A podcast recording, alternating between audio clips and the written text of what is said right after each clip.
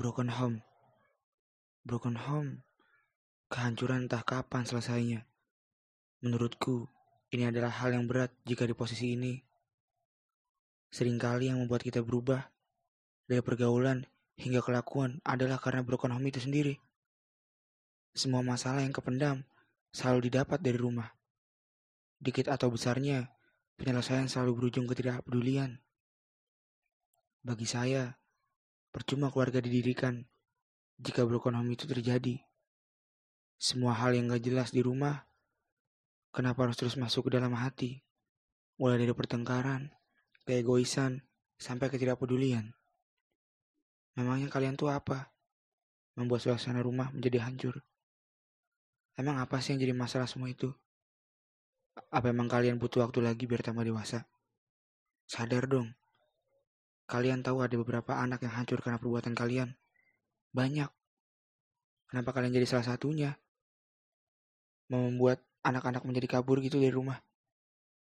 Bunuh diri ya gitu. Sadar. Saya gak sakit hati melihat kalian seperti itu. Karena percuma. Gak guna masuk masalah ini ke dalam hati. Kalian tak akan ngerti. Tapi saya cuma miris aja gitu. Ngelihat seorang ibu dan ayah yang saling bertengkar. Atau bahkan kalian mengecilkan anaknya sendiri. Kalau begitu, peranan kalian jadi orang tua tuh gak guna.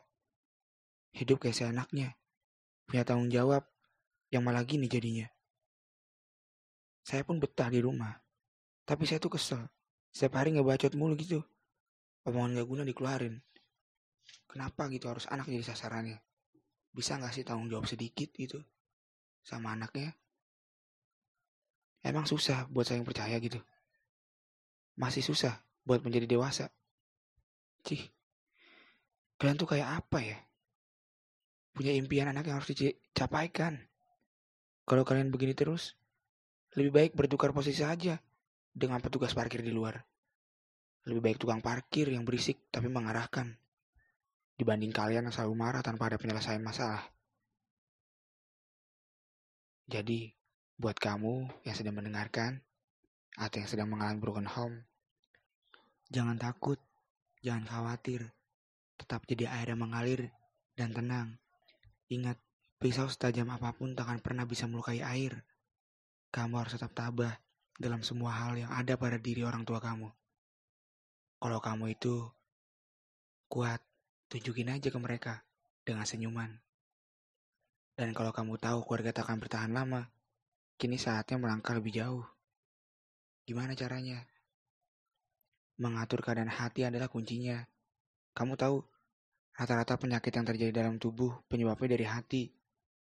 Jika hatimu kian terluka dan perih, maka kondisimu kian melemah. Kendalikan hati, Sebab hati adalah milikmu. Hati adalah nakodanya. Kuharap kamu bisa mandiri sekarang. Tetap kuat. Yakini dalam hati bahwa tanpanya kau pun bisa bahagia. Mulai belajar memahami bahwa hari silih berganti.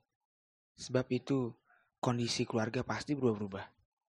Jangan batasi dirimu dengan siapa pun, selagi dia masih bisa memberikan yang terbaik. Berkawanlah dengan siapa pun. Berceritalah dengan siapa pun. Jangan takut kalau kisahmu tadi dengar. Karena kita hanya butuh pendengar, bukan pengacau. Terus bercerita, dan begitu kamu akan tahu banyak hal. Jangan jadikan dirimu itu tertutup. Karena jelas, kini kau tuh rapuh. Pokoknya jangan mudah baperan deh. Tunjukin kalau kamu tuh kuat. Selalu cerita dengan orang-orang lain selalu ceria dengan hari-harimu. Jangan pernah membenci orang tua. Dengan begitu hidupmu akan bahagia. Kenapa? Jika kamu membencinya, kamu akan terjebak di pikiran-pikiran kebencian itu. Aku yakin kamu bisa melewatinya. Jangan takut, jangan lemah.